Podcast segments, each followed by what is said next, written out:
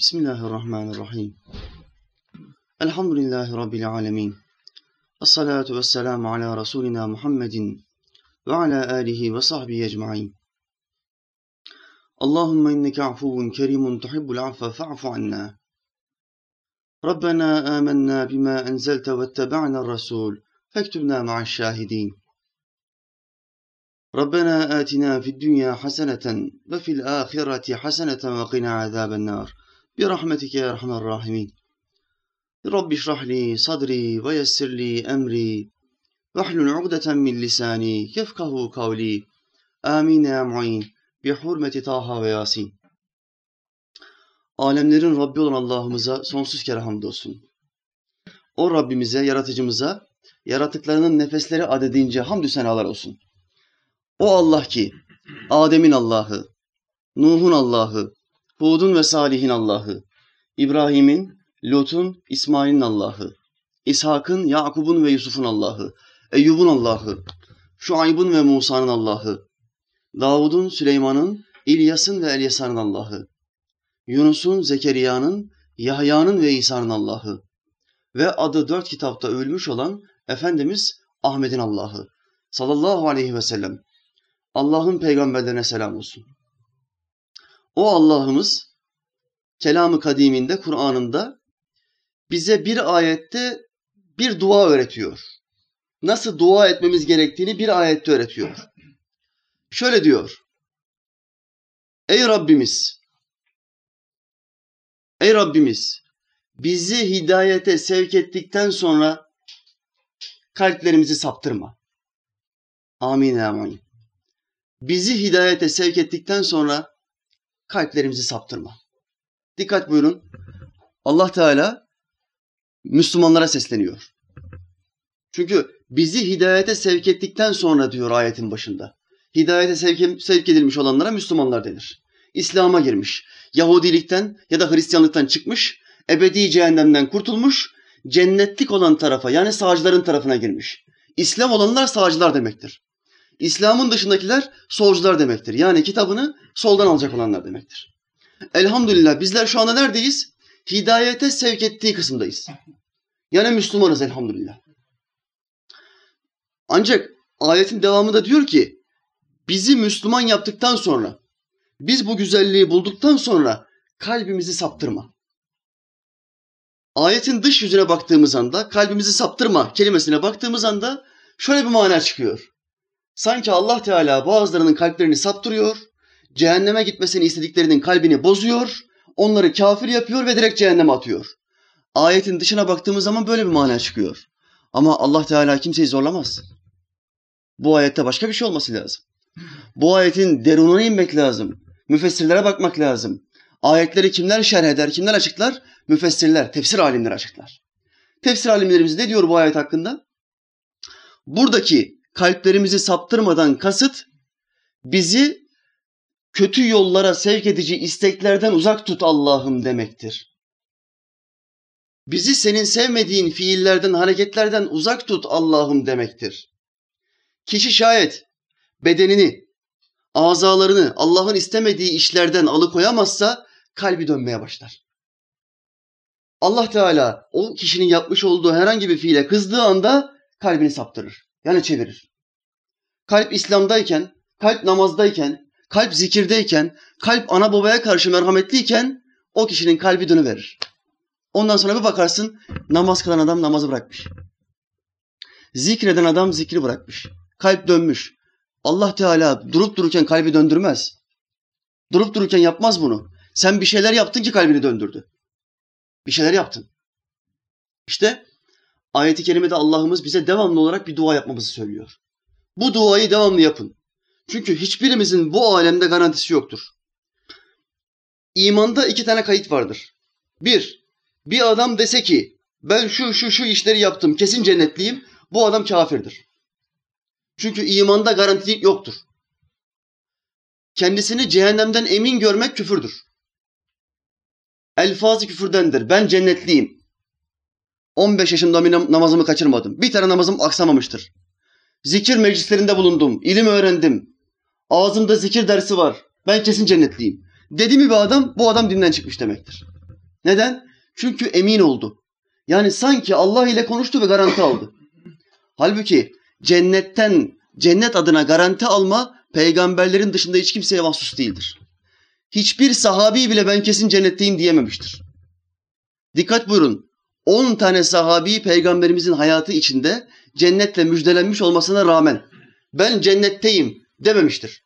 Ben kesin cennetliyim dememiştir. Biz sıradan Müslümanlara da kesin cennetliyim demek yasaktır. Bu bir günah değildir. Bu bir küfürdür. Şimdi günah nedir? Bir kızın elini tutarsın. Bu haramdır. Bir erkeğin nikah düşen bir kızın elini tutması haramdır. Bunun adına İslam'da günah denir. Sol tarafa amel defterimize günah yazılır. Bunlar birikir matematiksel hesap olarak ahirette karşımıza çıkar. Buna günah deniyor. Ama bu söz ise ben kesin cennetliyim sözü günah değil, küfürdür.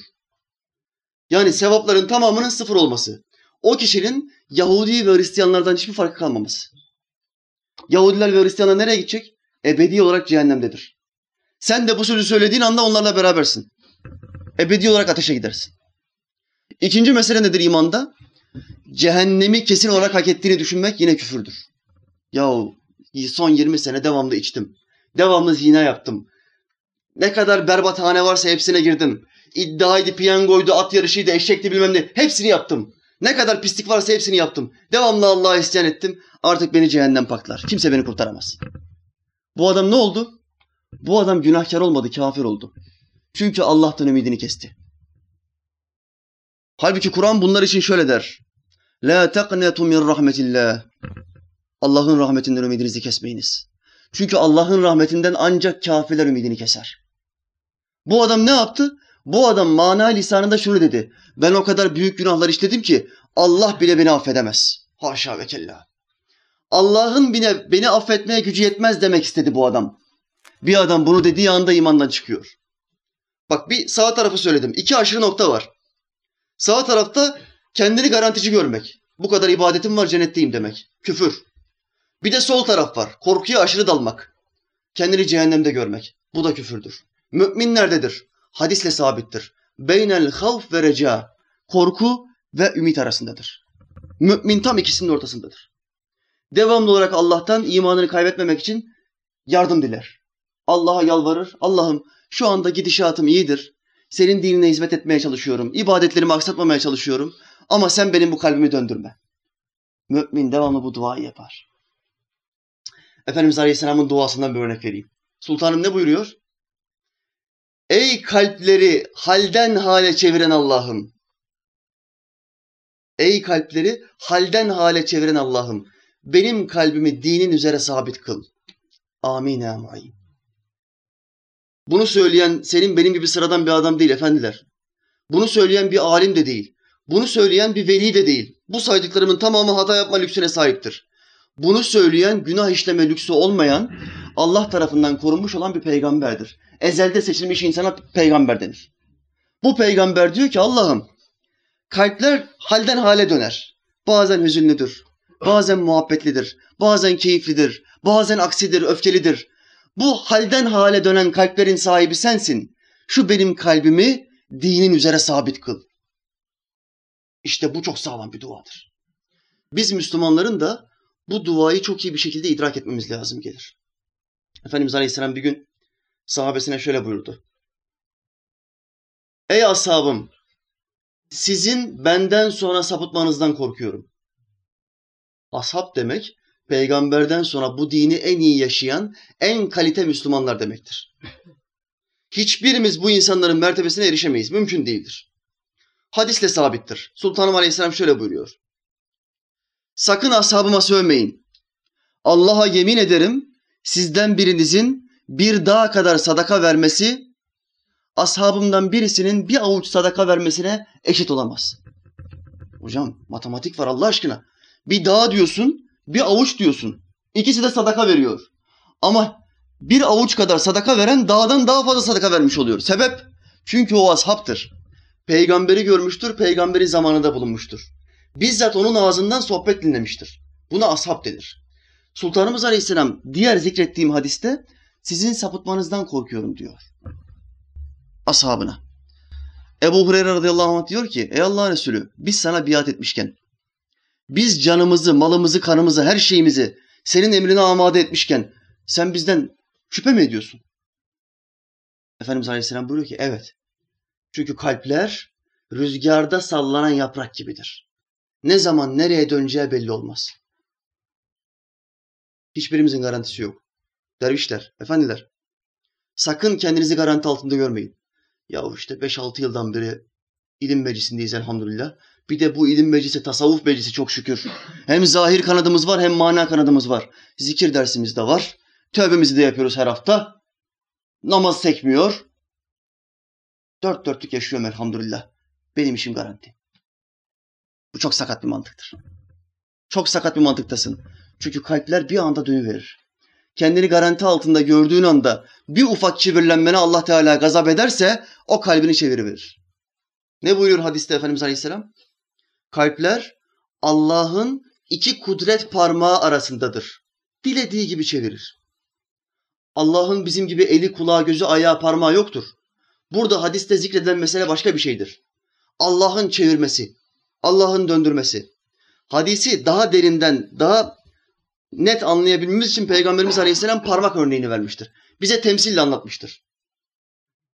Mesela bir kalemi, şu rahlerin üstünde duran bir kalemi iki tane parmağımızla biz çevirebilir miyiz? Çeviririz. Ters yönlere hareket ettiririz ve o kalemin yönünü istediğimiz tarafa çeviririz. Allah Teala da bizim kalbimizi bizde beğenmediği bir ahlak ortaya çıktığı anda şerre doğru çevirebilir. Çevirebilir. Ondan sonra toparlayamazsın. Toparlamak çok zordur. Bir iki yıl kadar önce bir kardeş çok sağlam, çok güzel bir şekilde sohbetlerine devam ediyordu. Zikrullah vazifesini aldı. Namazlarında sekte yok. Ağzında küfür gitti. Kumarı terk etti. Kadın kızı terk etti. Hali çok güzelleşti. Ama bu kardeş bir anda yolu bıraktı. Bir anda. Kestirip attı. Bıraktı. Eski kötü arkadaşlarınla gezmeye devam etti. Üç ay, beş ay, altı ay geçti. Altı ay sonra durdu ve kendine baktı. Ben neredeydim? Ben nereye geldim dedi. Altı ay sohbete gelmedikten sonra bir baktı zikir gitmiş. Namazlar gitmiş.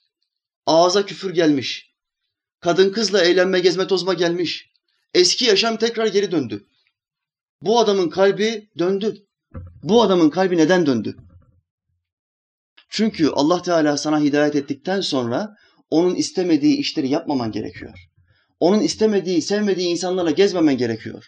Gel seni şu eşek yarışına götüreyim diyen, seni haram bayilere sokmak isteyen adamla gitmemen gerekiyor. Orası haram belde, orası şeytan yuvası. Orada insanlar daha fazla para kazanmak için Allah'ın ben bunu haram kıldım dediği fiili işlemek için koşuyorlar.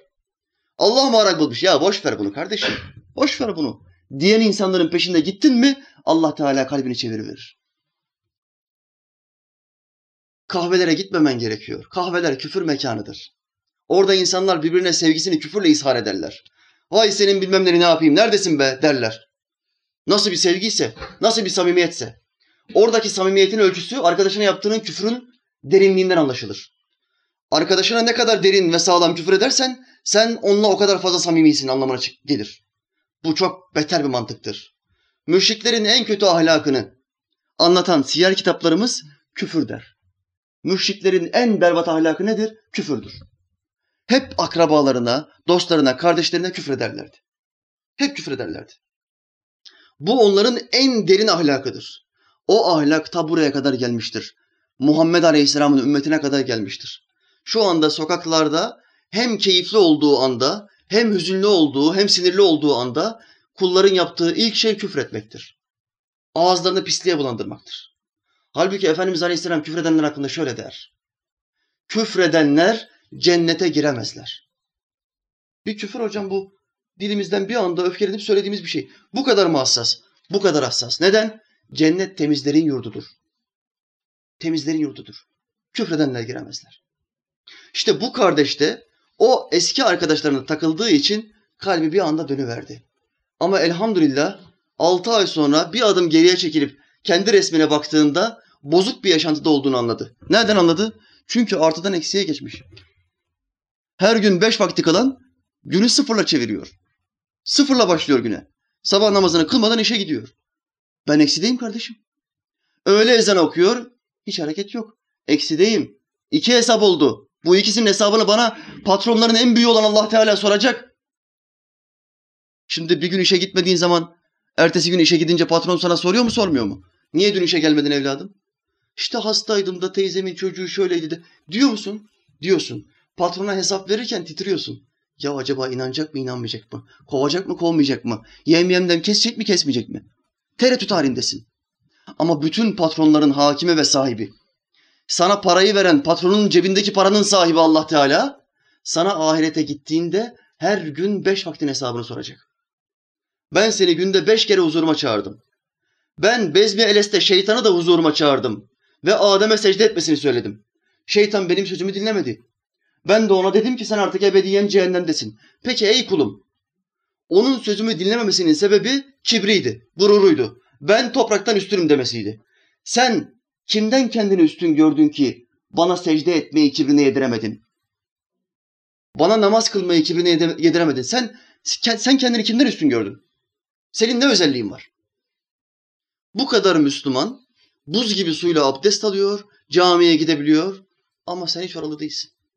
Kışın ortasında kar yağıyor, adam buz gibi suyla abdest alıyor. Namazını kılıyor, tekrar işine koşuyor. Sen de işindesin, o da işinde. Ama o bütün işlerin önündeki işi, yani Allah'a kulluğu unutmuyor. Sana unutturan sebep nedir? Nedir? Bu kardeşte bu düşünceler hasıl olmaya başladığı anda Allah'a hamdolsun geri dönüş yapmıştır. Geri dönüş yaptı ve bu kardeş 7-8 aydan beri hala aramızda. Eski güzel ahlakları geri döndü elhamdülillah. Ölçüsü nedir? İyilerle beraber olursan güzel olursun, iyi olursun. Kötülerle beraber olursan kötü olursun. Kalp değişkendir. Kalp nerede bulunursa oraya meyleder. Kalp bir su gibidir. Eğim olan yere akar. Kolaya akar o. Ama Mevlamız Beled suresinde İslam'ı bir yokuş olarak tarif eder. Yokuşa çıkmak zordur. Su yokuşa çıkmaz. Su aşağı gider. Nefis kolayı bulduğu anda kolaya akar. Mesela temsil getireyim. Hayatınız boyunca ağzınıza içki koymamış bir adam olun. Hiç içki içmediniz hayatınızda. Fakat arkadaşınız sizi başka bir arkadaşıyla tanıştırdı. Bir grup yapmışlar. Her akşam bir vakkalın önüne gidiyorlar ve içki içmeye başlıyorlar. Ama siz içmiyorsunuz. Üç gün, beş gün, sekiz gün bunlar içiyor. Sen hala içmiyorsun. Yavaş yavaş kalbin oraya doğru meyletmeye başlayacak. Ve yavaş yavaş merak etmeye başlayacaksın. Merak ilmin kapısıdır. Ver bakayım şunu ya. Neymiş bu kardeşim? Ne var bunda? Boyuna şişe şişe içki içiyorsunuz. Ver bakayım şunu. Dersin. Bunu dersin. İnsanın yapısı budur. Nerede kim ne olursan ona meyledersin. Bir bakayım dedin mi ilk içişte tiksinirsin. Sonra arkadaşların sana gaz vermeye başlar. Bunlar şeytanın gazlarıdır. Yahu sen nasıl erkeksin be? Ben on şişe içiyorum daha bir yudum aldın hemen tiksindin, kusmaya başladın. Utanmıyor musun? Der, erkeklik damarından vurmaya başlar. Gururunu yediremezsin. Çünkü kötü insanlarlasın. Kötü insanların olduğu yerde gurur olur, kibir olur, gıybet olur, şehvet olur, küfür olur. Başka bir şey olmaz ki. Bu adam orada zikirden, zikirden bahsedecek değil ki. Bu adam orada Allah muhabbeti yapmaz, peygamber muhabbeti yapmaz. Hadis söylemez, ayet söylemez. Bu adam orada hangimiz daha çok içeceğiz, içeceğiz muhabbetini yapar. Başka bir şey yapamaz. Beyin küçük. Bakış küçük. Çocuklar gibi düşünüyor. Dolayısıyla kalp nerede ve kiminle bulunursa ona akar. Ona akar. Ona akmaması için kötü insanlarla bulunmayacaksın.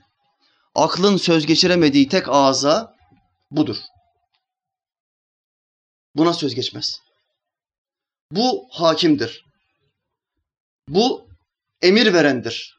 Neyi istiyorsa akıl, el, gözler, kulak oraya doğru akmak zorundadır. Bu neyi istiyorsa. Bizim yapmamız gereken nedir? Bunu güzel şeylere doldurmaktır. Bunu iyi şeylerle doldurmadığın zaman kötüye meylettirir seni. Bir bakarsın zina ediyorsun. Ben bunu yapmadım daha önce. Ben daha önce bu fiili işlemedim ama gidiyorsun. Çünkü yanında oraya sevk olmuş ve o işe alışmış insanlar var. Atalar boşuna demedi. Alışmış, Kudurmuş. Hangisi beter diyorlar? Alışmış. Çünkü devamlı yapıyor. Devamlı yapıyor. Bir kötülüğü devamlı yapan bir adam kudurmuş adamdan, parlayıp yapmış adamdan çok daha beterdir. Artık alışkanlık haline getirmiştir. Alışkanlık haline getirmenin şöyle bir kötülüğü vardır. Hafife almak başlar. Günahı hafife aldığın zaman da kafir olmak vardır. Kafir olursun. Allah muhafaza. Mesela bir adam küfretmenin günah olduğunu bilir ve küfreder. Bu adama günahkar denir. Ama bir adam küfretmenin günah olduğunu bilir, küfreder ve şöyle der. Küfreden de günah mı olur ya? Bu adam günahkar değildir. Bu adam kafirdir. Dinden çıkmış demektir. Neden? Çünkü Allah ya da Resulünün haram dediği bir şeye haram değil diyen Allah ve Resulünden ben bu işi daha iyi biliyorum demiş olur. Sen kimsin? Sen nesin? Sen ne zaman dünyaya geldin? Sen nasıl onlardan daha iyi bilirsin? Sahabeye Efendimiz Aleyhisselam bir soru sorduğunda hep cevap aynıdır, hiç değişmez. Şunun neden olduğunu biliyor musunuz ey ashabım? Sahabenin cevabı hiç değişmemiş. Allah ve Resulü daha iyi bilir. Bütün hadislerde bunu söylemişler. Güneş neden böyle kızıl biliyor musunuz? Allah ve Resulü daha iyi bilir. Allah Teala'nın yeryüzünde yarattığı ilk şey nedir biliyor musunuz? Allah ve Resulü en iyisini bilir. Sahabe hep aynı şeyi söylemiştir. Allah Resulü'nün yanındaki en ilim ehli insanlar diyor ki Allah ve Resulü daha iyi bilir. Sen diyorsun ki ben daha iyi bilirim. Allah Teala diyor ki Yahudi ve Hristiyanlar ebedi cehennemdedir. Sen diyorsun ki ben daha iyi bilirim. Cennetliktir. Onlar da bizim kardeşlerimizdir. Bunu diyen kafirdir. Allah bu insanlara hidayet etsin inşallah. Amin. Amin. Bismillahirrahmanirrahim.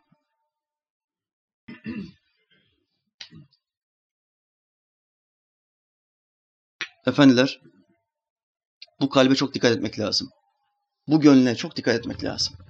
Devamlı olarak Allah ile teyakkuz halinde olmak lazım. Rabbimizle bağlantımızı kopartmamamız lazım. Onun sevmediği, onun bize kızacağı bir fiili işlersek tık diye dönüverir. Dönüverdiği zaman da bir bakarsın ya namaza başlamak istiyorum bir türlü fırsat olmuyor. Dönemiyorum ben eskiden bu işi yapıyordum ya. Ben iki sene namaz kıldım hocam. E şimdi kaç senedir namaz kılmıyorsun kardeşim? Esnaf ziyaretlerimiz vardır bizim. Biz esnafı ziyaret ettik mi? Ne kadar iş yaptın? Bugünkü ciro nedir? Sormayız. Biz ziyaret ettik, mi deriz ki Allah ile aran nasıl? Bugün Allah için ne yaptın? Ya hocam, üç yıl namaz kıldım. Sigarayı bıraktım, içkiyi bıraktım, kötü arkadaşları terk ettim. Üç yıl sonra bir şeyler oldu, namazı bıraktım. On yıldan beri kılamıyorum. Cuma'ya bile zor gidiyorum. Ne olmuş bu adam? Dönmüş. Allah Teala kalbini sapıttırmış, çevirmiş. Neden Allah Teala kalbini çeviriyor? Allah kalbin dönmesine, sapıtmasına müsaade ediyor demektir. Allah çevirmez. Allah zalim değildir. Haşa zulmetmez kuluna hüdası. Herkesin çektiği kendi cezası. Asla zulmetmez. Başına bir musibet mi geldi, bir bela mı geldi? Bu senin kendi cezan. Sen bir pislik yaptın, Allah Teala başına bir musibet verdi. Senin günahını temizlemek için bunu sana verdi. Dostları çok iyi seçmek lazım. Arkadaşları çok iyi seçmek lazım. Kalbin bataklığa düşmemesi için kalbi temizleyecek arkadaşlar seçmek lazım. Ne buyuruyor Allah'ın Peygamber aleyhisselam? Salihlerin anıldığı yere Allah'ın rahmeti iner. Biz her sohbetimize Allah'ın peygamberlerin ismini zikrederek başlarız. Sebep Allah'ın rahmeti inmesi için salihlerin de üstünde olan muhlasundur Allah'ın peygamberleri. Halasa ermiş kurtulmuş olanlardır. Bu kurtulmuş olanların, seçilmiş olanların ismini zikrettiğimizde Allah'ın melekleri akın akın bu mecliste gelirler. Bu cemaatteki bütün bireylere teker teker ismen dua ederler. Allah'ın bu kulları affetmesi için. Sebep salihlerin anıldığı yere Allah'ın rahmeti iner. Şu halde sen de salihlerle beraber olmak zorundasın. Şu halde seni Allah'a sevk, ede, sevk etmeye çalışan insanlarla beraber olmak zorundasın. Bunu yapmazsan tabiat boşluk kabul etmez. Ya şeytan kapacak ya Rahman kapacak. Kalp bir bardak gibidir. İçinde ya çay olur ya da hava olur. Şu anda bu bardağın içinde çay var. İkisinin dışında başka hiçbir şey olamaz. Şimdi az sonra Allah nasip eder de ben bunu bitirebilirsem bunun içine başka bir şey girecek. Hava girecek. Hava şeytanın vesvesesini temsil eder. Şeytanın doldurduğu heva ve heves. Çaysa suyu temsil eder. Susuz çay olmaz. Su feyiz demektir, muhabbet demektir, ilahi nur demektir. Kalp bardağımızı ya ilahi nurla dolduracağız ya da şeytan havayla dolduracak. Allah aşkına tam bu noktada herkes kendine bir soru sorsun. Tam burada. Benim kalbim neyi istiyor? Havayı mı istiyor? Çayı mı istiyor? Daha çok zengin mi olmak istiyor? Yoksa Allah'ın dinine hizmet etmek mi istiyor? Geçici olan bu dünya yaşamına mı istiyor? Kafa göz buraya mı dalmak istiyor benim kalbim? Yoksa Allah'ın vaat ettiği sonsuz yaşamı mı istiyor? Benim kalbim neyi istiyor? Efendiler, bu konuya çok iyi dikkat edin. Bu dünyada sahip olduğunuzu düşündüğünüz hiçbir şeye sahip değilsiniz. Hocam burada yanlışsın. Arabam var. Arabanın ruhsatı benim üstüne. O bana ait. Sahip değilsin. Bir gün o elinden çıkacak. Üç sene, beş sene, elli sene. O araba bir gün senin elinden çıkacak. Başka bir isim geçecek o ruhsatın üstüne. Evim var hocam, yetmiş yıldır ailemizdedir. Çıkacak bu senden. O elinden çıkacak çünkü dünyanın kanunu bu. Hiçbir şeyin kıyamete kadar sahip olamayacaksın ey insan. Olsaydı Sultan Süleyman olurdu. Olsaydı Zülkarneyn Aleyhisselam olurdu. Bulutlara emreden peygamber. Rüzgara emreden peygamber Süleyman Aleyhisselam olurdu. Olmadılar. Sen de olamayacaksın. Bir gün sahip olduğunu düşündüğün her şey elinden çıkacak. Şu halde alimlerimiz ne diyor? Sahip değilsiniz. Siz bu dünyada hiçbir şeye sahip değilsiniz. Sizler bu dünyada emanetçisiniz. Sahip olduğunu düşündüğümüz her şey bize bir emanettir. Sahip olacağımız yer neresidir? Ahirettir. Sonsuz yaşam yurdudur. İşte kul dünyayı düşünecek ama ahireti dünyadan çok daha fazla düşünecek. Çünkü buradaki her şey geçici, oradaki her şey kalıcıdır. Velel ahiretu hayru ve ebqa diyor Kur'an. Siz geçici olan dünya nimetlerine tamah ediyorsunuz. Halbuki ahiret daha hayırlı ve ebqa bakidir. Baki ne demektir? Sonsuz demektir. Allah aşkına hiç sonsuz nedir düşündünüz mü? İşte kulun kalbini idrak etmesi lazım, düşünmesi lazım. Sabahleyin işine gideceksin, yarın sabah kalktın. Geceliğin evine gittin, yattın. Sabah kalktın. İş saati zil çaldı. İşe gitmeden önce aynanın karşısına geçtin ve elbiseni düzeltmeye başladın. Şu soruyu kendine sor. Ben ne istiyorum? Ben bu dünyada ne istiyorum? Amacım ne? Bu soruyu Allah için yarı sabah kendine sor. Eğer amacın Allah'a ve onun dinine hizmet değilse sende bir sakatlık var demektir. Bir problem var, bir sakatlık var demektir. Eğer amacın daha iyi bir arabaya binmekse problem var sende. Amaç bu olmamalı. Sen fani, süfli şeylerin peşindesin. Bu değil. Eğer amacın lüks bir yalıya sahip olmaksa yanlış bir yoldasın. Şeytan seni aldatmış, kalbini çevirivermiş. Yapma bunu. Sen bunun için yaratılmadın. Senin gayen başka olmalı. İbrahim bin Ethem Hazretleri bir gün sarayında oturuyor. Bir adam geliyor. Muhafızlara diyor ki ben bu hanın sahibiyle görüşmek istiyorum. Saraya han diye hitap ediyor. Bu kişi. İbrahim bin Ethem'e muhafızlar geliyor. Falanca kişi sizle görüşmek istiyor. Garip bir adam. Ama garip tavırları var. Müsaadeniz var mı sultanım? Mübarek de diyor ki gelsin. O garip kişi sultanın karşısına çıkıyor. Ey İbrahim diyor. Ben bu handa bu gece konaklamak istiyorum. Kardeşim diyor sen şaşırdın mı? Burası benim sarayım. Sen buraya han diyorsun. Şaşırdın mı sen? Seni içeri attırırım benim kafamı bozma diyor. Ey İbrahim bin Ethem. Senden önce burada kim vardı? Babam vardı. Ondan önce kim vardı? Onun babası vardı. Ondan önce kim vardı? Onun babası vardı. Ey sultan, bu kadar kişinin konup göçtüğü yer han değildir de nedir? Han, han. Hepsi geçmiş gitmiş. Sultandı bu adam. Ama gitti gitti. Babaları gitti, o da gidecek. Bunu idrak ettiği için Allah'a dönmeye karar verdi. İbrahim bin Ethem oldu. İnsanlara emrederken artık balıklara emreden bir veli oldu. Sözü Allah'ın yarattığı mahlukata bile geçmeye başladı. Keramet ehli bir zat oldu. Kulun kalbini Allah'a çevirmesi, Allah'a döndürmesi lazım. Kulun kalbini feyiz suyuyla, muhabbet suyuyla doldurması lazım. Size hayatımı adadığım bir ayeti kerimeyi söyleyeyim. 15 yıldır bu ayet yüzünden hizmet yapıyorum. Bana deseniz ki hocam Kur'an'dan bize tek bir ayet söylemen gerekirse kalbimizin dönmemesi ve bu din üstüne sabit kalmamız için gerekli olan tek bir ayet söylemen gerekirse bize neyi söylersin? Bize hangi Allah'ın sözünü söylersin? Ben size şu ayeti söylerim.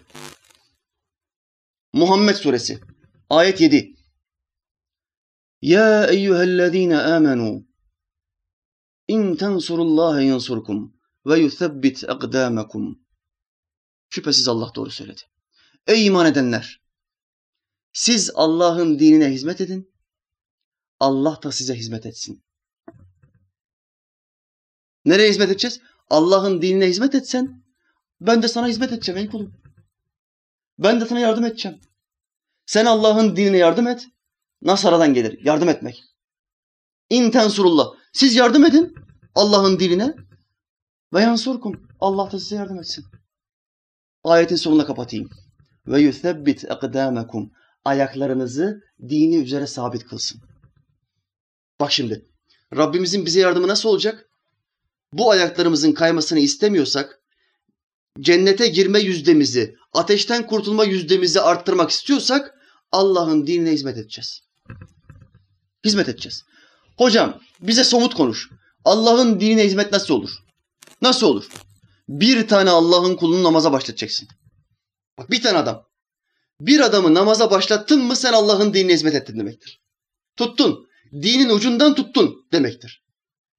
Bir adamı ilim meclisine alıştıracaksın. Kahveye değil, iddia bayine değil, zinahaneye değil, ilim meclisine. Allah'ın yolu demektir ilim meclisi. Yani peygamberimizin deyimiyle cennet bahçesi. Zikir meclisleri cennet bahçesidir buyuruyor aleyhissalatü vesselam. Cennet bahçesine bir adam alıştıracaksın. Ayağını alıştırdığın anda sen Allah'ın dinine hizmet ediyorsun demektir. Dine hizmet böyle olur. Bir adamı içkiden kurtaracaksın. Bak adama iç, içkiye alışmış adam. Devamlı içki içiyor. Sen bu adamla uğraşacaksın. Yumuşakça davet edeceksin. Kardeşim Allah bunu haram kılmıştır. Allah bunu yasak kılmıştır. Sen bunu içemezsin. İçki içenler mahşere pis kokular serdederek çıkacaklardır. Sen bunu bilmiyor musun? Allah'ın peygamberi böyle buyuruyor. Pis kokularla mı çıkmak istersin mahşere peygamberlerin yanına? Hangi peygamber kabul eder seni? Kim kabul eder seni? Diyeceksin. Ve bir insanı, tek bir insanı içki içmekten kurtarmaya çalışacaksın. İşte bunun adı Allah'ın dinine hizmet demektir. Allah'ın dinine yardım eden kula Allah Teala yardım eder. Ve işlerini yoluna sokar. Sonra ona tesirat vermeye başlar. Sözü tesirli gelmeye başlar. Bu adam anasından namaz kıl emrini işitmiştir. Babası buna namaz kıl demiştir. Arkadaşları buna namaz kıl demiştir. Ama bu namaza başlayamamıştır. Ancak sen Allah'ın dinine yardım etme isteğinde ve niyetinde olduğundan dolayı Allah Teala sana tesirat verir. Ve insanların aklına değil kalbine hitap etmeye başlarsın. Kalbe hitap etmeye başladığın zaman muhabbet hasıl olur. O kişi namazı zorla kılmaz. Sıkılarak kılmaz. Muhabbetle kılar, keyifle kılar. O kişi dilindeki küfrü keyifle bırakır. Bıraktım ama nasıl bıraktım ben de bilmiyorum. Bak aylardan beri küfür etmiyorum ya demeye başlar.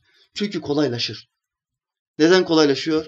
Çünkü sen Allah'ın dinine yardım ettin. Allah'ın dinine yardım ettin. Allah Teala bize dinine yardım etmeyi nasip etsin inşallah. Amin. Amin.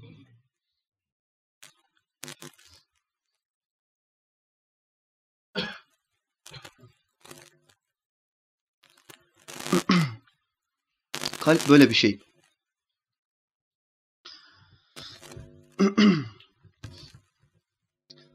Bu kalbi güzel meclislerde bulundurmaya çalışırsak hayır dua alırız inşallah. İnşallah. Ama bozuk meclislerde de bulundurursak hiç farkına varmadan küfre girebiliriz. Allah muhafaza. Mesela kalp arkadaşa meyleder. Arkadaş seni bir sohbet meclisine çağırdı. Gel kardeşim. Oturacağına burada. Gel bir sohbet mekanına gidelim. Seni götüreyim. Falanca yerde bir profesör var. Sohbetine gidelim. Dedi.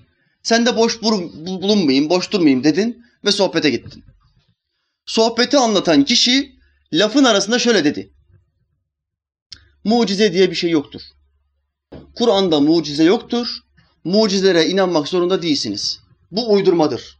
Hep hadislerde geçer, ayetlerde mucize yoktur dedi. Senin de ilmin olmadığı için ya bu adam koca profesör mucize yoktur diyorsa demek ki mucize yoktur dedin. Onun söylediği batıl şeye tasdik getirdin. Tamam ya mucize yokmuş demek ki dedin ve dille ikrar ettin. İslam'da mucize yoktur diyen adamın hükmü nedir? Küfürdür. Dinden çıkmıştır. Elfazı küfür derslerinde işlediğimiz konulardan bir tanesi nedir? Mucizeyi inkar küfürdür. Muhammed Esed gibi sapık mealcilerin kitaplarından dini öğrenmeye kalkanlar mucizeyi inkar ederler. Halbuki mucize ve keramet ayetlerle sabittir. Ama bu adamın kötü bir niyeti yoktu. Bu adam sohbete davet edildi. İlmi olmadığı için ilmi olmayan adam küfre düşme konusunda çok kolaydır. Çok savunmasızdır. Hemen düşebilir. Gözü görmeyen bir adamın çukurlu bir yerde yürümesi gibidir. Belediye çukurlar kazmış. Bu adamın da gözü görmüyor. Bastonla yol bulmaya çalışıyor. Bu adam düşer. Düşer bu adam. İlmi yok çünkü. İlim nur demektir. Gözlerin açılması demektir. Bu adam da davet edildi. Davet edildiği yere gitti. Ama davet edildiği yer ehli sünnet dışı sapık bir yerdi. Ve şöyle dedi. Mucize diye bir şey yoktur. Ama Allah Kur'an'da böyle söylemiyor. Allah Teala Kur'an'da bazı peygamberlere verdiği mucizelerden bahsediyor. Siz bu Kur'an'ı nasıl okuyorsunuz? Siz bu Kur'an'ın neresine bakıyorsunuz? Eğer niyetiniz hakikaten dini bozmak, reformist bir kafayla tahrip etmekse açık açık söyleyin. Biz yeni bir Kur'an yapmak istiyoruz deyin. Biz de bilelim dostu düşmanı. Ama siz diyorsunuz ki bugüne kadar gelmiş olan Müslümanlar, dört mezhebe tabi olan Müslümanların tamamı yanlış bir Kur'an okudu. Yanlış bir inanışta. Bunlar bozuk yolda. Biz bu dört mezhebi ilave ediyoruz. Biz bu sahabeyi ilave ediyoruz. Sadece Kur'an'la hükmetmeye başlayacağız diyorsunuz. Ve insanları Kur'an bize yeter deyip aldatmaya çalışıyorsunuz. Şu sözümü kaydedin, aklınıza kaydedin. Bu ülkedeki en büyük sahtekarlar Kur'an bana yeter diyenlerdir. Herhangi bir yere gittiniz. Birisinin ağzından şu söz çıktı. Kur'an bize yeter. Bu adam sahtekardır. Bu adam en büyük sahtekardı. Yalancıdır bu adam. Çünkü Kur'an yetseydi Allah peygamberler göndermezdi. 124 bin peygamber gönderdi diyor Efendimiz Aleyhisselam. Bu peygamberlerin ne işi var o zaman ya? Madem vahiyler, İncil, Tevrat, Kur'an bize yeterdi. Bu peygamberler niye, niye geldi? Ne işi vardı bunların bizim yanımızda? Niye Allah bizim nefsimizden bizi ikaz eden insanlar gönderdi? Ne gereği vardı? Cebrail gökten inerdi. Bir kanat, kanadından bir kitap uzatırdı bize. Ben Allah'ın meleğiyim. Hiçbir aracısız Allah Teala size bu kitabı uzattı. Alın okuyun, namazı kılın, orucu tutun derdi. Olay biterdi. Allah böyle murad etmedi. Allah bizim gibi namaz kılacak bir varlık, bir insan gönderdi bize. Bize namazı tarif ederken biz baktık o da namaz kılıyor. Bize içki içmemeyi tarif ederken, bize ondan men ederken biz baktık. Peygamber de içki içmiyor. Bize güzel konuşmayı, yumuşak konuşmayı anlatırken biz bir baktık bizden çok daha yumuşak konuşuyor. Bize bizim nefsimizden bir insan gönderdi o.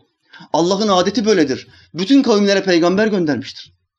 O zaman bize Kur'an yeter sözü nereden çıkıyor? Bu ne sapıklık? İşte bize Kur'an yeter dediğin zaman Kur'an'daki açık mucize ayetlerini de inkar ediyorsun ve kafir oluyorsun. Hocam delil getirir misin? Getiriyorum.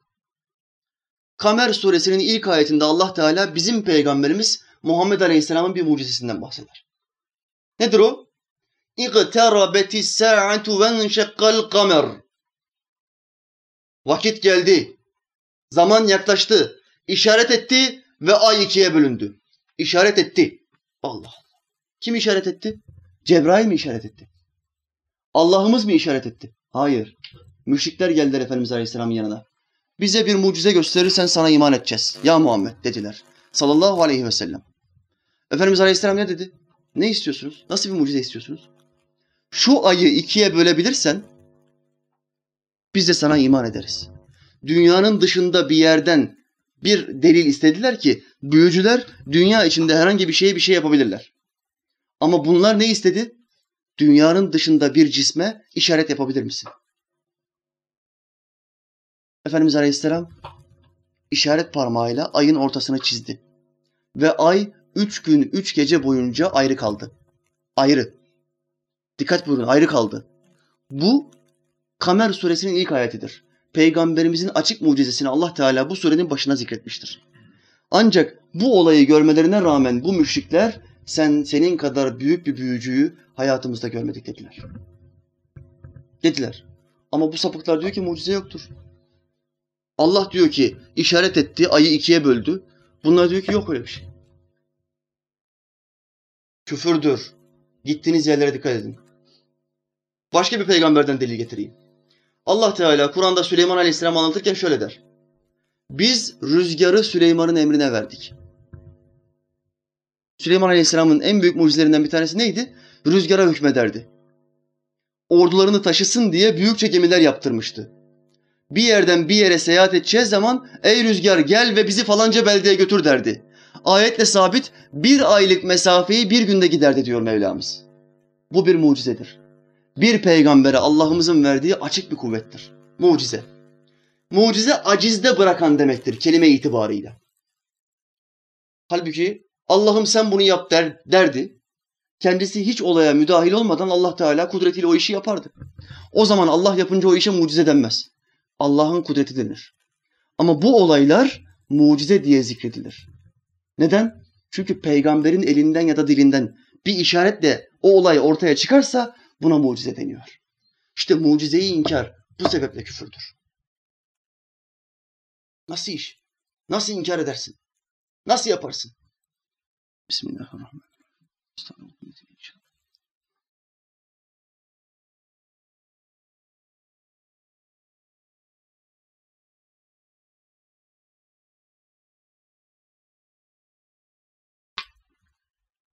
Bir örnekte İsa Nebi'den vereyim. Bu konuyu atlayacağım. Allah'ımız Kur'an'da İsa peygamberden bahsederken onun ağzından şöyle diyor. Ben Allah'ın izniyle körleri gördürürüm. Ben Allah'ın izniyle ölüleri diriltirim. Dikkat buyurun ayette Allah diriltir demiyor. Ben ölüleri diriltirim diyor. Ama illa bir izni. Allah'ın izniyle. Şimdi olayı yapan yaparım dediği için buna ne deniyor İslam'da? Mucize. Allah'ın seçtiği peygamberden sadır olduğundan dolayı buna mucize deniyor. Bu mucizelerden herhangi bir tanesini inkar eden yani hiçbir insan hiçbir insanın gözlerini açmamıştır diyen kafir olur. Ayetle sabit çünkü. Ben açarım diyor. Açtı mı?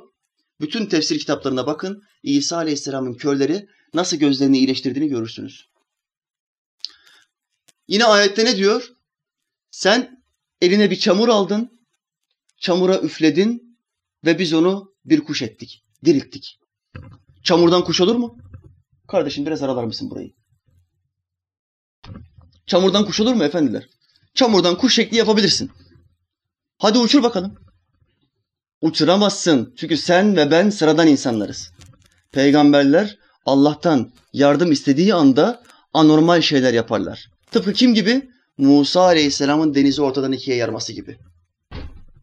Ama siz bu olayı Muhammed Esed'in mealine baktığınız zaman bu gibi sapık hocaların, sapık reformistlerin kitaplarını okuduğunuz zaman ne, nasıl görürsünüz? Musa Aleyhisselam Kızıldeniz'in oraya geldiği anda asasını suya vurduğu yerde halbuki orada fazla su yoktu. Kara vardı. Gel git Medcezir olayları çok fazla olduğundan dolayı sular çekilmişti zaten.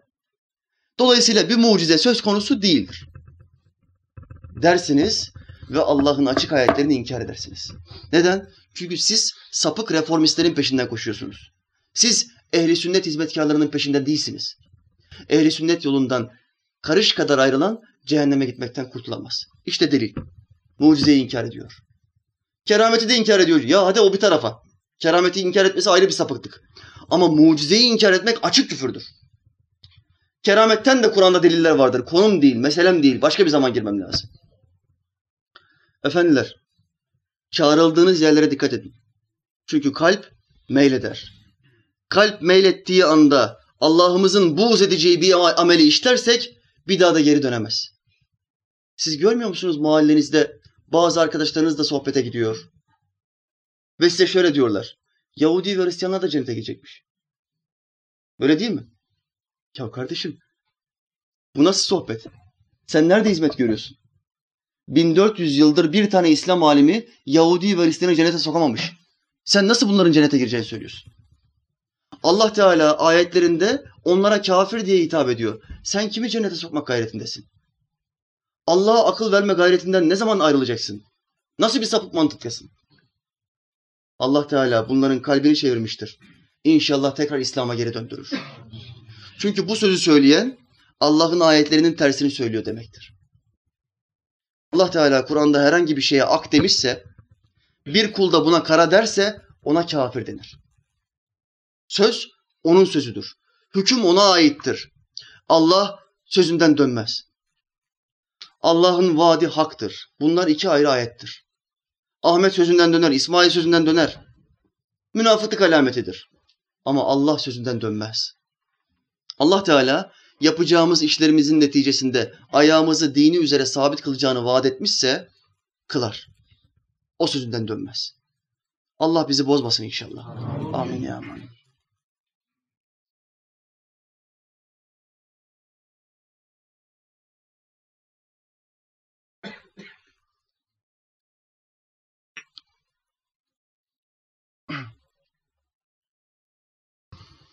Mevlana'mız Mesnevi'de Yusuf Aleyhisselam'ın bir olayını anlatır.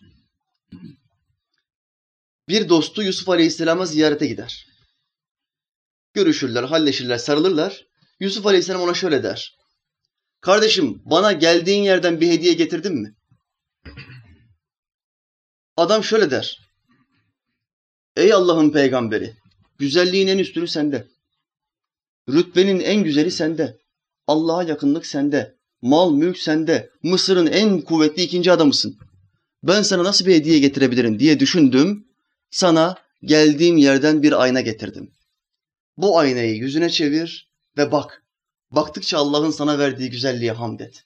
Sana bundan başka hiçbir hediye veremem der. Böyle der. Ne anladık? Bir arkadaşınızı ziyarete gittiğinizde ona ayna hediye edin. Bunu mu anladınız? Efendiler, işin içinde iş var. Olayın içinde iş var. Efendimiz Aleyhisselam şöyle buyuruyor. Bir kardeşiniz size bir hediye verdiğinde bunu reddetmeyin. Çünkü bu isteği onun kalbine Allah vermiştir. Bak şimdi bir arkadaşın geldi sana dedi ki ya içimden geldi sana bir çay ısmarlayacağım gelir misin? Bu bir hediyedir. Bir ikram verme isteği geldi bunun kalbine. Bu istek kimden geldi? Hadisle sabit Allah'tan geldi. Şimdi sen bunu reddetme. Ya ben istemiyorum, ben gelmek istemiyorum deme. Reddetme bu adamın verdiği hediyeyi. Çünkü bu istek onun kalbine Allah'tan geldi. Allah Teala onun iyilik yapmasını murad etti. Onun kalbini iyiliğe doğru zorladı. Rahmet suyunu akıttı. Ve o da sana bir hediye vermek istedi. Yusuf Aleyhisselam'a da bu adam ne getirdi? Bir ayna getirdi. Efendiler, mahşer olduğunda, kıyamet koptuğunda buradaki insanların tamamı mahşer meydana çıkacak. Ananızı görmeyeceksiniz, babanızı görmeyeceksiniz. Düşündüğünüz tek şey kendiniz olacak. Kendinizi düşüneceksiniz. Allah Teala o anda bizden bir hediye bekleyecek. Bir hediye. Tamam da hocam Allah Teala her şeyin sahibiyken, ganiyken, zenginlerin en üstünüyken biz ona ne hediyesi verebiliriz ki? Allah Teala bizden temiz bir kalp istiyor. Temiz bir kalp. Bu kalbi temizlemek zorundayız. Bu aynayı, kalp aynası, aynasını Allah Teala'ya vermek zorundayız. Hadisle teyit edeyim. Sultanım Aleyhisselam şöyle buyuruyor. Allah sizin suretlerinize bakmaz. Allah sizin kalplerinize bakar. Neremize bakacak? Elbiselerimize bakmıyor. Yüzümüzün güzelliğine bakmıyor. Sakalımızın uzunluğuna kısalığına bakmıyor. Kuvvetimize, güçlülüğümüze bakmıyor. Bir vuruşta üç adam devirmemize bakmıyor. Allah bizim bir yerimize bakıyor. Aynamıza bakıyor, aynamıza. Aynan temizse kardeşim paçayı kurtardın. Aynan kirliyse durumun tehlikelidir. Bu kalbi temizlemezsen hastalık sıçrar. Tıpkı bir kanser hücresi gibi. Adamın teşhis koyuyorlar. Bak diyor, göğsünde bir kanser hücresi, bir kist oluşmuş. Bunu birkaç ay içinde almazsak sıçrama ihtimali var diyor. Bu da diyor ki ya bir şey olmaz. Aldırmıyor. Sonra sıçrıyor diğer ciğere. Sıçrıyor alt tarafa karaciğere, pankreasa, mideye. Adam yok olup gidiyor. Neden? sıçramasını engellemek için o pisliği yok etmen gerekiyordu. O kanser hücrelerini alman gerekiyordu. Ama sen bunu yapmadın. Kalbin kirliliğini temizlemezsen ruha sıçrar. Ruhun beyaz olarak yaratılmıştır. Ama sen kalbinle bu ruhunu beyaz tutmaya çalışmazsan, bu ruhunu temiz tutmazsan siyah ruhlardan olursun. Tıpkı Miraç hadisinde geçen siyah ruhlar gibi. Efendimiz Aleyhisselam miracın ilk katında kimi gördü? Adem Aleyhisselam'ı gördü. Adem Aleyhisselam'ın sağ tarafında beyaz ruhlar vardı. Sol tarafında siyah ruhlar vardı. Adem Aleyhisselam sağ tarafa baktığında tebessüm ediyordu. Sola baktığında ağlıyordu. Efendimiz Aleyhisselam Cebrail Aleyhisselam'a sordu. Bunun sebebi nedir? Bu kimdir? Bu senin baban Adem'dir. Sağındakiler nedir, solundakiler nedir? Sağındakiler temiz ruhtur. Namazla, zikirle, şükürle, sohbetle, ilimle ruhlarını temizlemiş olan insanlardır. Bunlar cennetliktir. Soyundan gelen beyaz ruhlara, temiz ruhlara bakıyor ve tebessüm ediyor. Solundakiler nedir? Solundakiler kirlenmiş olan ruhlardır. Kirlenmiş olanların cehenneme gideceğini düşünüyor, görüyor ve üzülüp ağlıyor. Üzülüp ağlıyor. Efendiler, buradaki bütün kardeşlerin ruhu ya siyahtır ya da beyazdır. Bir gayretimiz vardır. Son nefesimize kadar bu ruhu yıkama, temizleme imkanımız vardır. Sağlığımız yerinde, aklımız başımızda. Allah Teala bu imkanı bize verdi mi? Verdi elhamdülillah. Akılsız değiliz. Sen ne yapacaksın? Bu ruhu çamaşır makinesine sokacak mısın, sokmayacak mısın? Çamaşır makinesi ilim meclisleridir. Bu meclislere girip bu ruhu yıkamazsan sen kirli bir ruhla ahirete gidersin. Kirli bir ayna yansıma yapmaz. Allah Teala kirli aynayı sevmez. Kirli aynayı ateş paklar. Cehenneme gider. Allah Teala bizi muhafaza etsin inşallah. Hocam hastalığı zikrettin. Teşhisi de ver kapatalım. Tedaviyi söyle bu işi bitirelim. Tedaviyi söyleyelim.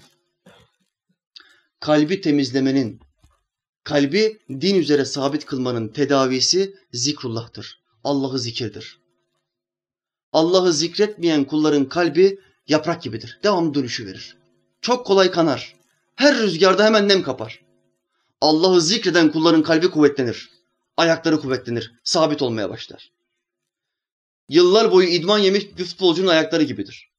İdman yemeyen bir futbolcu iki sene sonra halı saha maçına çıkar. On dakika sonra dizleri titremeye başlar. Ama idmana alışkın olan bir futbolcu titremez. Çünkü kuvvetlidir. Kalbi zikre alıştırmış olan kulun tespiti de buna benzer. Ela bi zikrillahi tatmainnul kulub diyor Allah Teala Kur'an'da. Kalpler ancak Allah'ı zikirle tatmin olur. Bu kalbi başka hiçbir şeyle tatmin edemezsiniz. Bunu yemin ile söylüyorum. Başka hiçbir şeyle tatmin edemezsiniz. Üç tane araba mı var kardeşim? Sen çok zengin bir adam mısın? Üç tane arabam var. Yetmez. Dördüncüyü istersin. On tane dairen mi var? Yetmez. Yirmi olsun istersin. Mahallenin tamamına hakim olmak istersin. Onu istersin, bunu istersin, ömür sermayesi tükenir biter. Sen isteklerine ulaşamadan toprağın altına yapamadığın bin planla girersin. Bu kaçınılmaz sondur. Dolayısıyla bunu tatmin etmenin, doldurmanın tek bir yolu vardır. Allah'ı zikirdir. Ayetle tecrübe edeyim. Ya eyyühellezine amenu zikrullah zikran kethira. Ey iman edenler! Allah'ı çokça zikredin. Dikkat buyurun. Allah Teala Kur'an'da hiçbir ibadet için bunu çokça yapın demez. Mesela Kur'an'da çokça namaz kılın yoktur. Çokça hac edin yoktur. Çok oruç tutun yoktur. Bir tek şey vardır çokça yapmamız gereken. Çokça zikredin. Zikran ketira. Çokça zikredin. Bukrata ve asila. Sabah ve akşam Rabbinize tesbih edin. Bunu çok yapacağız. İşte tasavvuf büyükleri bu gibi ayetlerden çıkarttıkları manalarla zikri bir sisteme koymuşlardır. Dervişlere her gün yapması gereken belli adetler vermişlerdir. Az ama devamlı. Sistem budur. Az yapacaksın ama devamlı yapacaksın. Her gün aksatmadan bu zikir görevini icra edersen kalbin genişlemeye başlar. Tatmin olmaya başlar. Kirler, pislikler temizlenmeye başlar. Namaz kılamıyordum diyen adam çok kolay kılmaya başladım demeye başlar. Değişmeye başlar. Bakışı değişir. Rüyaları değişir. Hayatında rüya görmeyen adam peygamberin rüyasında görmeye başlar. Bunlar zikrin tesiratıdır. Allah'ı zikretmeyen adam hep şunu der. Ben hiç rüya görmüyorum ki. Bu ciddi bir hastalıktır. Ciddi bir hastalıktır. Dolayısıyla bu zikri dilimize ve kalbimize indirdiğimiz anda temizlik başlamış demektir. Çamaşır makinesine girdin demektir. Şimdi sana deterjan lazım. Deterjansız çamaşır makinesi kuru suyla temizlemez. Deterjan nedir? İlimdir. İlimdir. İlim olmadan da bu iş olmaz kardeşim. Bize ilim lazım gelir. Bize peygamberin hadislerini öğrenmek, bilmek lazım gelir.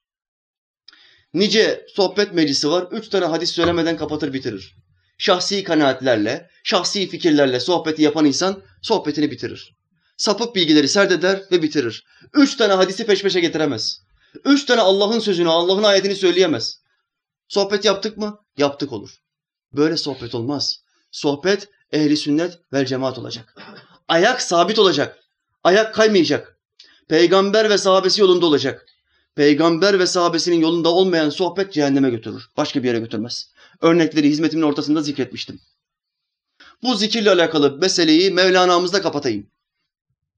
Mevlana'mız Mesnevi'de fezkuruni ezkurkum ayetini tefsir eder. Ne buyuruyor Allah'ımız bu ayette? Siz beni zikredin ki ben de sizi zikredeyim. Allah'ımız biz kullarına böyle diyor. Onu zikredersek Allah da bizi bizzat zikredecekmiş. Ayet söylüyor. Şimdi Mevlana'mız bunu anlatıyor. Nasıl anlatır? Mevlana'nın özelliği hikayelerle, temsillerle, anlayışımıza indirgemeyle anlatmak. Bir hikaye anlatıyor. Adamın bir tanesinin bir ahbabı vardı. Bu kişi zengin bir ağaydı. Uzunca bir mesafeyi kat etti. Ve bu ağanın çiftliğine ziyarete gitti. Çiftliğe bir girdi, 5-6 tane köpek bu adamın etrafını çevirdi. Havlamaya başladılar. Birisi kolundan tuttu, birisi bacağından tuttu. Adam köpeğin bir tanesine yumruk atıyor, bir tanesine tekme atıyor. Hoş diyor, çekilin diyor, bırakın beni diyor, lanetlik hayvanlar diyor. Ama hayvanlar bırakmıyordu. Adam bir an durdu ve düşünmeye başladı. Ya bu köpeklere ben niye uğraşıyorum? Bunları kovamam ki. Bunlar bu işten bıkmaz. Bunların görevi bu, yabancıyı uzak tutmak. Ben niye bu köpeklerin sahibine seslenmiyorum? Dedi. Ve şöyle yapmaya başladı. Ahmet Ağa! Ahmet Ağa! Çek şu köpeklerin yanımdan. Ahmet Ağa bir çıktı evinden. Bir baktı köpekler misafirinin yanında. Çekilin oradan dedi. Köpeklere bir işaret yaptı. Beş köpek birden adamı terk etti. Adamı terk etti. Açıklamama gerek var mı? Hocam ben anladım. Ne anladın kardeşim? Köpeği olan arkadaşa gitmeyeceksin. bu hikayenin vermek istediği mana, mesaj bu. Bu değil kardeşim. Allah aşkına derine inme. Ya bir önceki ayetle aslında bağdaştırmanız lazım. Mübarekler. Başına bir musibet mi geldi? Bir bela köpeği mi ısırdı bacağını? Köpeğin sahibine yalvar. Allah'ın adını zikret ki Allah da seni zikretsin. Ey köpek çekil oradan desin. Ey musibet bu kulumu terk et desin. Köpeklerin sahibine yalvarın Allah aşkına efendiler. Ondan sonra sebeplere yapışın. Önce ilk olarak yalvarmamız gereken, ilk olarak istememiz gereken zat kimdir? Bütün musibet köpeklerinin sahibi olan Allah Teala'dır. Allah'a yalvardığımız anda Allah Teala o musibet köpeklerine bir tek işaret yapar. Ve bütün musibetler yok olur. Güllük gülistanlık yaşar gideriz Allah'ın izniyle. Bu işin sırrı buradadır. Kalp denen bu çantayı parçalamadan, imanı zedelemeden temiz tutabilmek için zikir derslerinde daimiyet lazım gelir. Çok sağlam durmanız lazımdır. Her gün Rabbinize az da olsa bir zamanınızı ayırın. Karanlık bir odada Rabbinizle baş başa kalın. Ve şöyle deyin. Allah, Allah, Allah. Bunu deyin. Allah'ı zikredin ki Allah da sizi zikretsin. Allah Teala son nefesimizde bu dünyadan imanla gitmeyi bize nasip etsin. Amin. Amin ya mu'in. Velhamdülillahi Rabbil alemin. El Fatiha.